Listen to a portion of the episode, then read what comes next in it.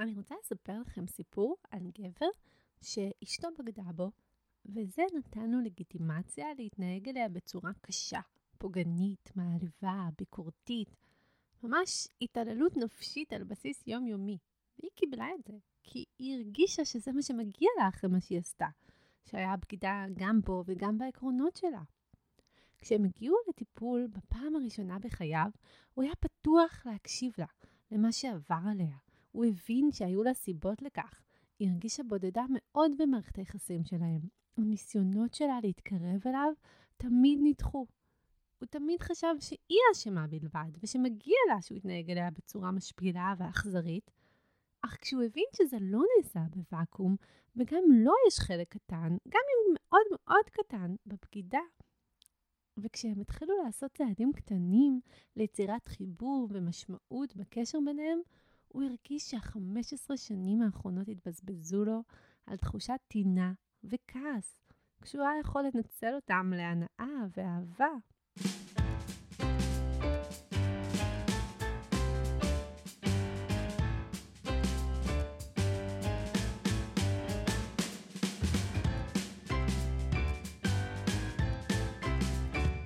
היי לכולם.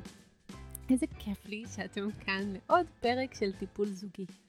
נושא הפרק שלנו היום, כפי שבטח הבנתם, הוא סליחה.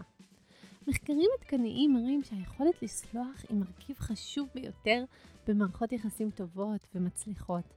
בפרק הזה אני אנסה להסביר את המושג סליחה, המשמעויות שלו, למה רובנו מכשילים את עצמנו באופן שבו אנחנו מבקשים או מקבלים התנצלויות, ואיך אפשר להתנצל ולקבל התנצלות בצורה שלמה ובריאה, שגם תחזק את הזוגיות שלנו ותגרום לנו להרגיש מובנים, אהובים וקרובים יותר, וגם איך אפשר לחיות חיים שלווים ונפלאים גם בלי לסלוח, אבל כן לשחרר. אני אתבסס הרבה על העבודה של שתי פסיכולוגיות שאני אוהבת ומעריכה מאוד, דוקטור הריאט לרנר ודוקטור שירלי גלאס. אה, כמו גם כמה מחקרים נוספים שנעשו בנושא. אז לחכות זמן רב עד שסולחים, כמו שקרה לאותו גבר בסיפור בפתיח, יכול לחזק תחושת חוסר אונים וייאוש. לפעמים לפעולת הסליחה יש את היכולת להפחית את הכאב ולהקל עלינו, ממש כאילו אבן ירדה מעל ליבנו.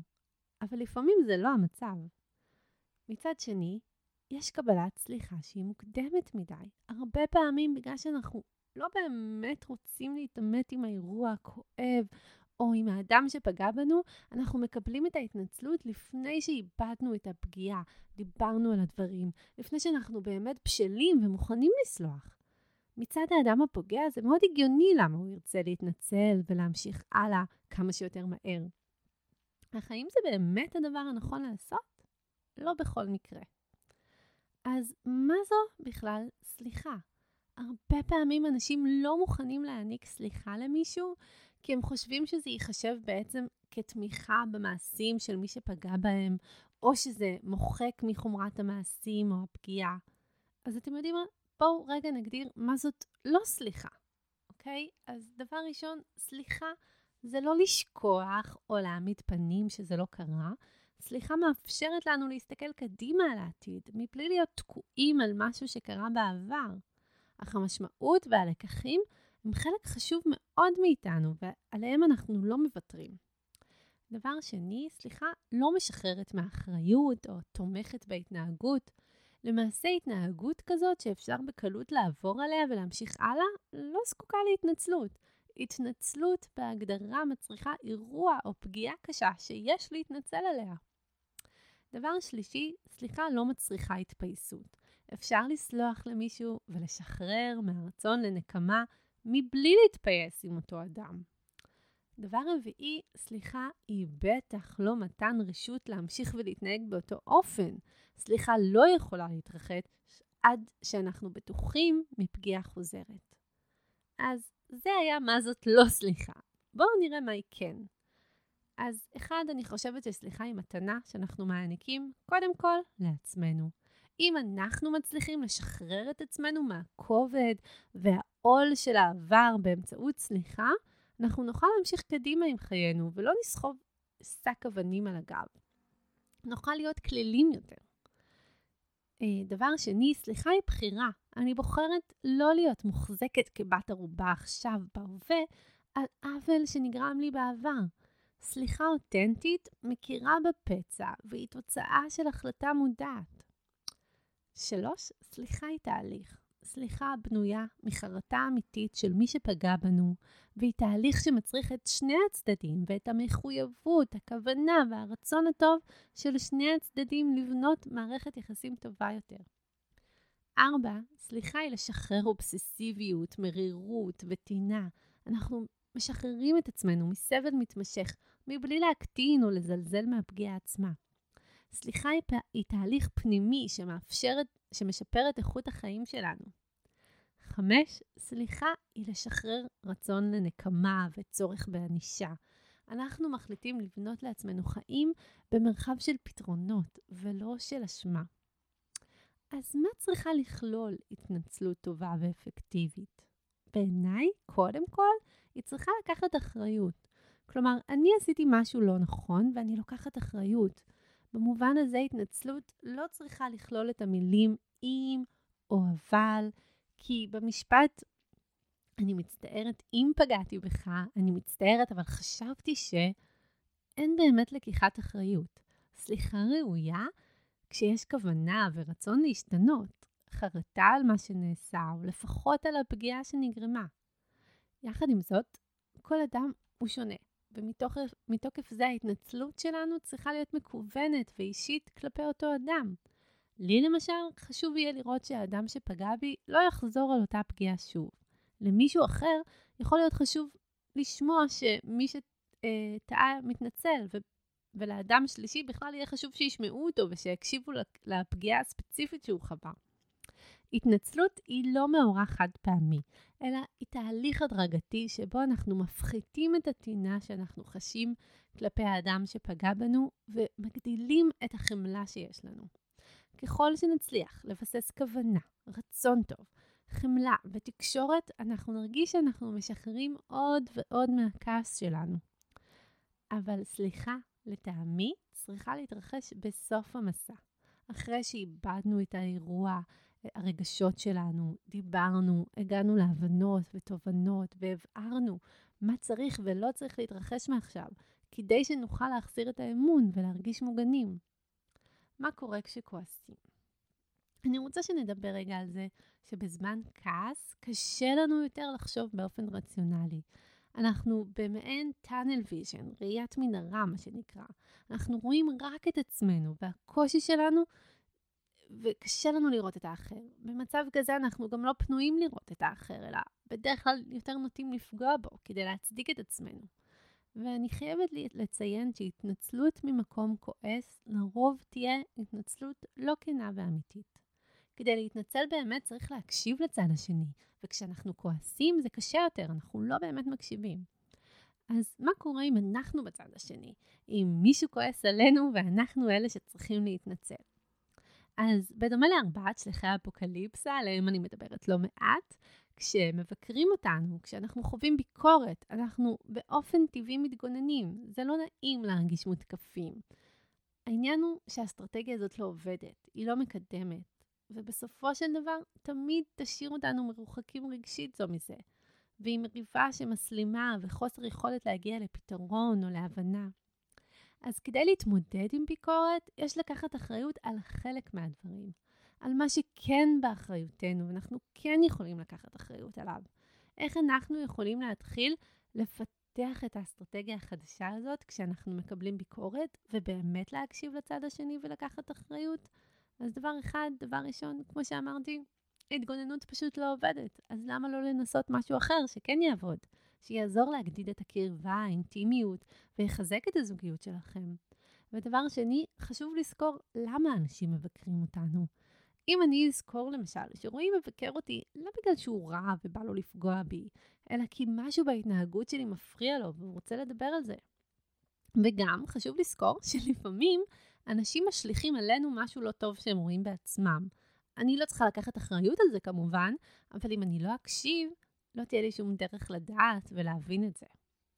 אני רוצה לספר לכם סיפור על אימא ובת, שהבת האשימה את האם בגירושים של ההורים.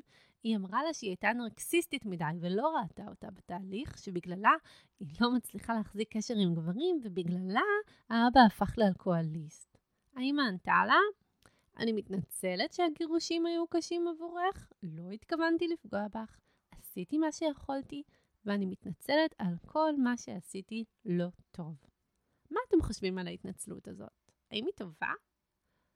בעיניי זו לא באמת התנצלות, ואני אפרק את זה ואסביר. אני מתנצלת שהיה לך קשה עם הגירושים, זה אומר שהתגובה שלך לגירושים היא הבעייתית.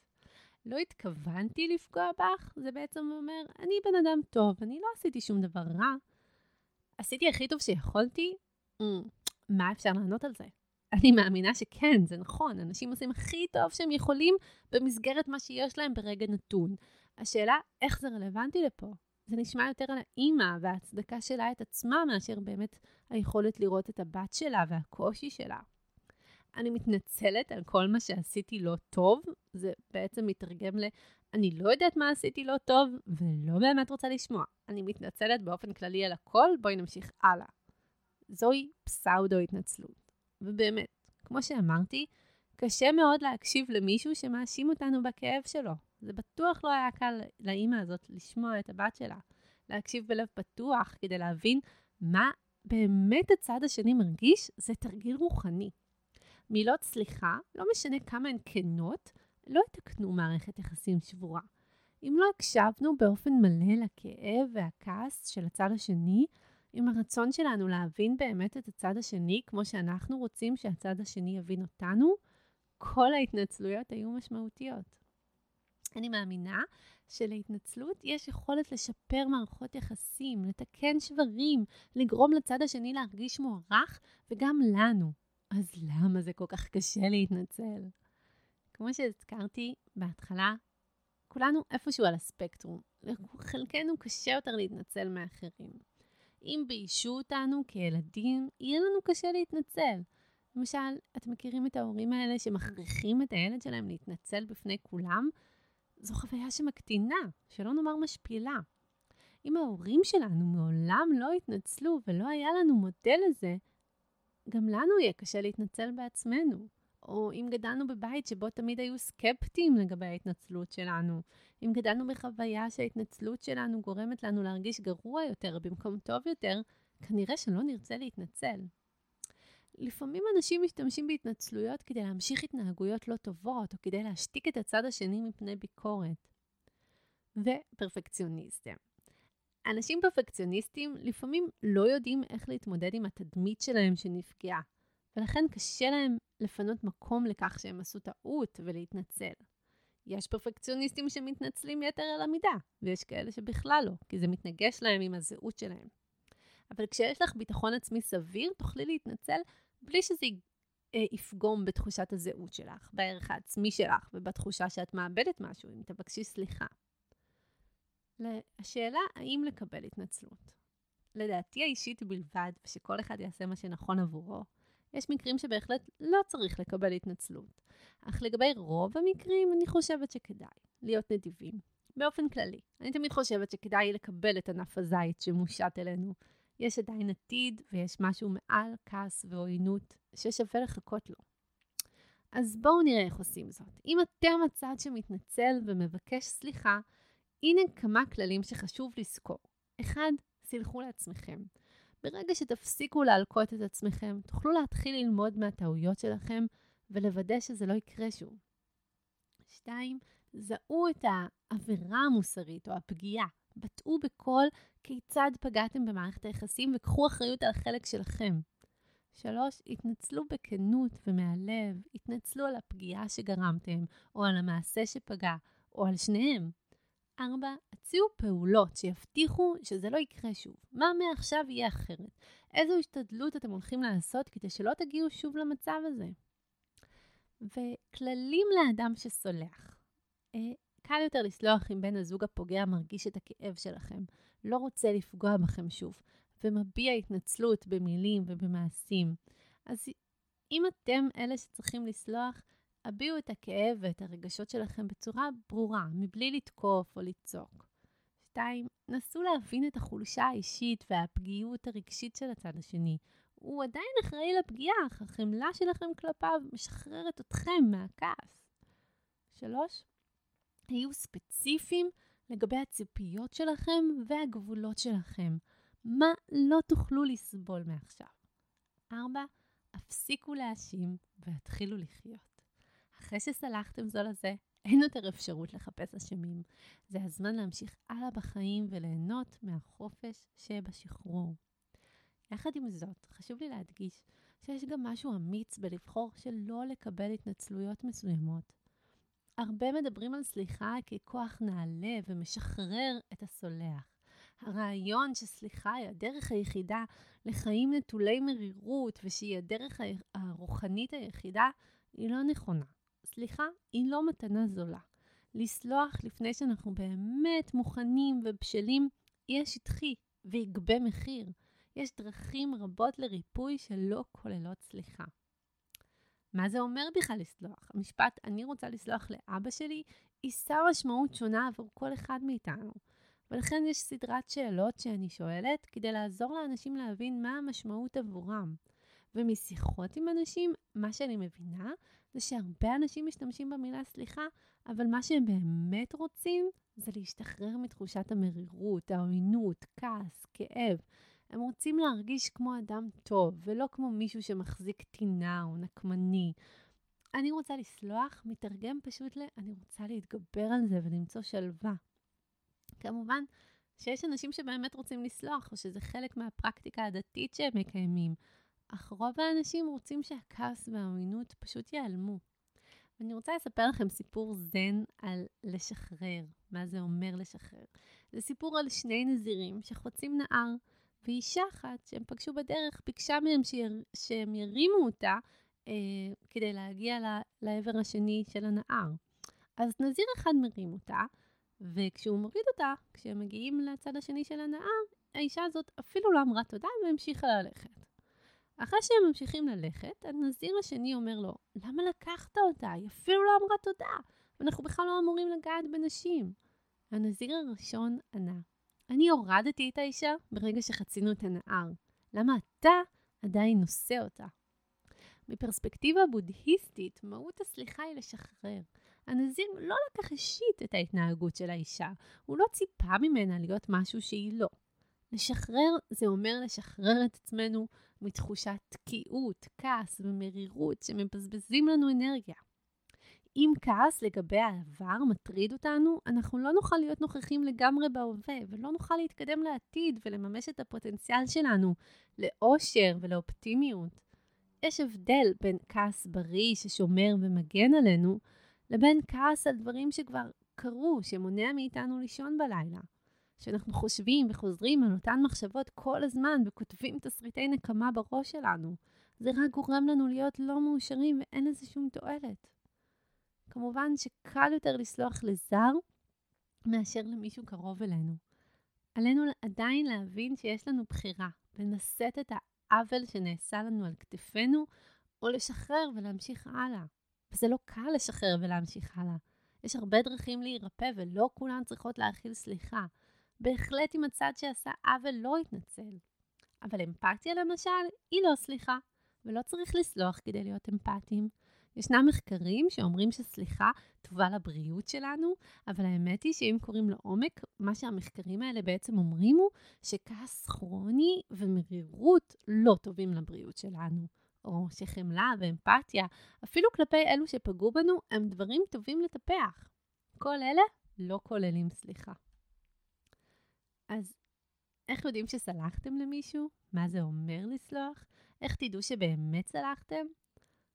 אה, רוב האנשים, כשהם מדברים על סליחה, הם מדברים על כך שכשהם חושבים על העוול שנגרם להם, זה כבר לא מפריע להם, לא מעורר בהם כעס, או שלפעמים הכעס כן מתעורר, אבל בתדירות נמוכה, והם מצליחים לפתח מרחק ממנו.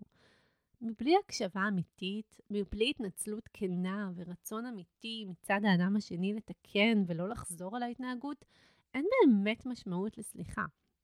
אני יכולה עדיין לאהוב ולרצות בטובת האדם גם בלי לסלוח לו. סליחה, כמו כבוד, לא יכולה להיכפות עלינו, היא צריכה להיעשות מבחירה.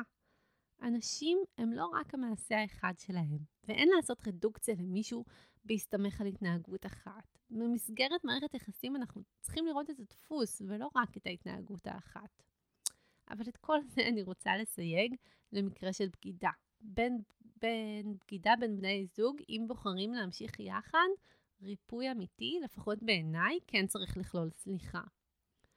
אז איך אנחנו מוצאים שלווה? מה מונע מאיתנו מלשחרר? כשאנשים אחרים מתנהגים לא טוב, זה בגללם, זה לא קשור אלינו. למה שמישהו שאוהב אותנו יתנהג אלינו ככה? לפעמים אנחנו מנסים לשנות את סוף הסיפור, או לעשות תיקון כלשהו, בכך שאנחנו בוחרים אנשים שיתנהגו אה, אלינו אותו דבר כמו שההורים שלנו התנהגו אלינו. הצד הפוגע שרוצה להבין, יכול להיות שרוצה בסתר שהצד הפוגע יסבול כמו שהוא סובל. ולפעמים קשה לנו לשחרר כעס, פשוט כי אנחנו נקשרים אליו. למשל, אם הסבל שלנו הפך לדרך שבה אנחנו נוקמים בפוגע, להמשיך הלאה, להתקדם עם חיינו, לסלוח, יהיה מבחינתנו כמו לשחרר את הפוגע. לפעמים הכעס שאנחנו מאפשרים לעצמנו להרגיש, מונע מאיתנו לקחת אחריות על החלק שלנו. כמו למשל אישה שכועסת על כך שבעלה שמר על הילדים בזמן שהוא שתה אלכוהול, במקום לקחת אחריות על כך שהיא השאירה אותם בזמן שידע שהוא אלכוהוליסט. יהיה לנו קשה לשחרר כעס כלפי מישהו אם זה עוזר לנו לשמור על התדמית הטובה שלנו בהשוואה אליו. וגם אנחנו לא נרצה לשחרר את הכעס אם הוא מחזיק אותנו בקשר עם מי שפגע בנו. כעס ואהבה שומרים על הקשר בינינו. בגלל זה הרבה זוגות גרושים עדיין לא גרושים רגשית. אם נדבר על מישהו בלי שזה יגרום לנו לרגשות כעס, או שאנחנו לא יכולים להיות באותו חדר ביחד, או לדבר, לדבר בטלפון בלי שיש התכווצות בבטן, כנראה שאנחנו עדיין קשורים. אולי אנחנו מחזיקים בתקווה שאולי יום אחד הפוגע יבין את העוול שהוא גרם לנו.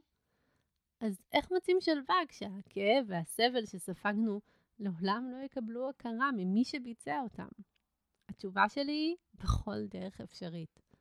נשימות, יוגה, שינוי מחשבתי, טיפול, ולחשוב על כך שבזמן שאנחנו מתענים וחושבים באובססיביות על מי שפגע בנו, יכול להיות שברגעים אלה ממש מי שפגע בנו מבלה בים ביום נפלא, וזו סיבה מספיק טובה כדי לרצות לשנות. החלק הכי קשה הוא להשלים עם העובדה שהצד הפוגע לא יתנצל לעולם. לא יראה את מעשיו באובייקטיביות, ואנחנו נצטרך לשחרר את האפשרות לכתוב מחדש את העבר ולבנות עתיד אחר.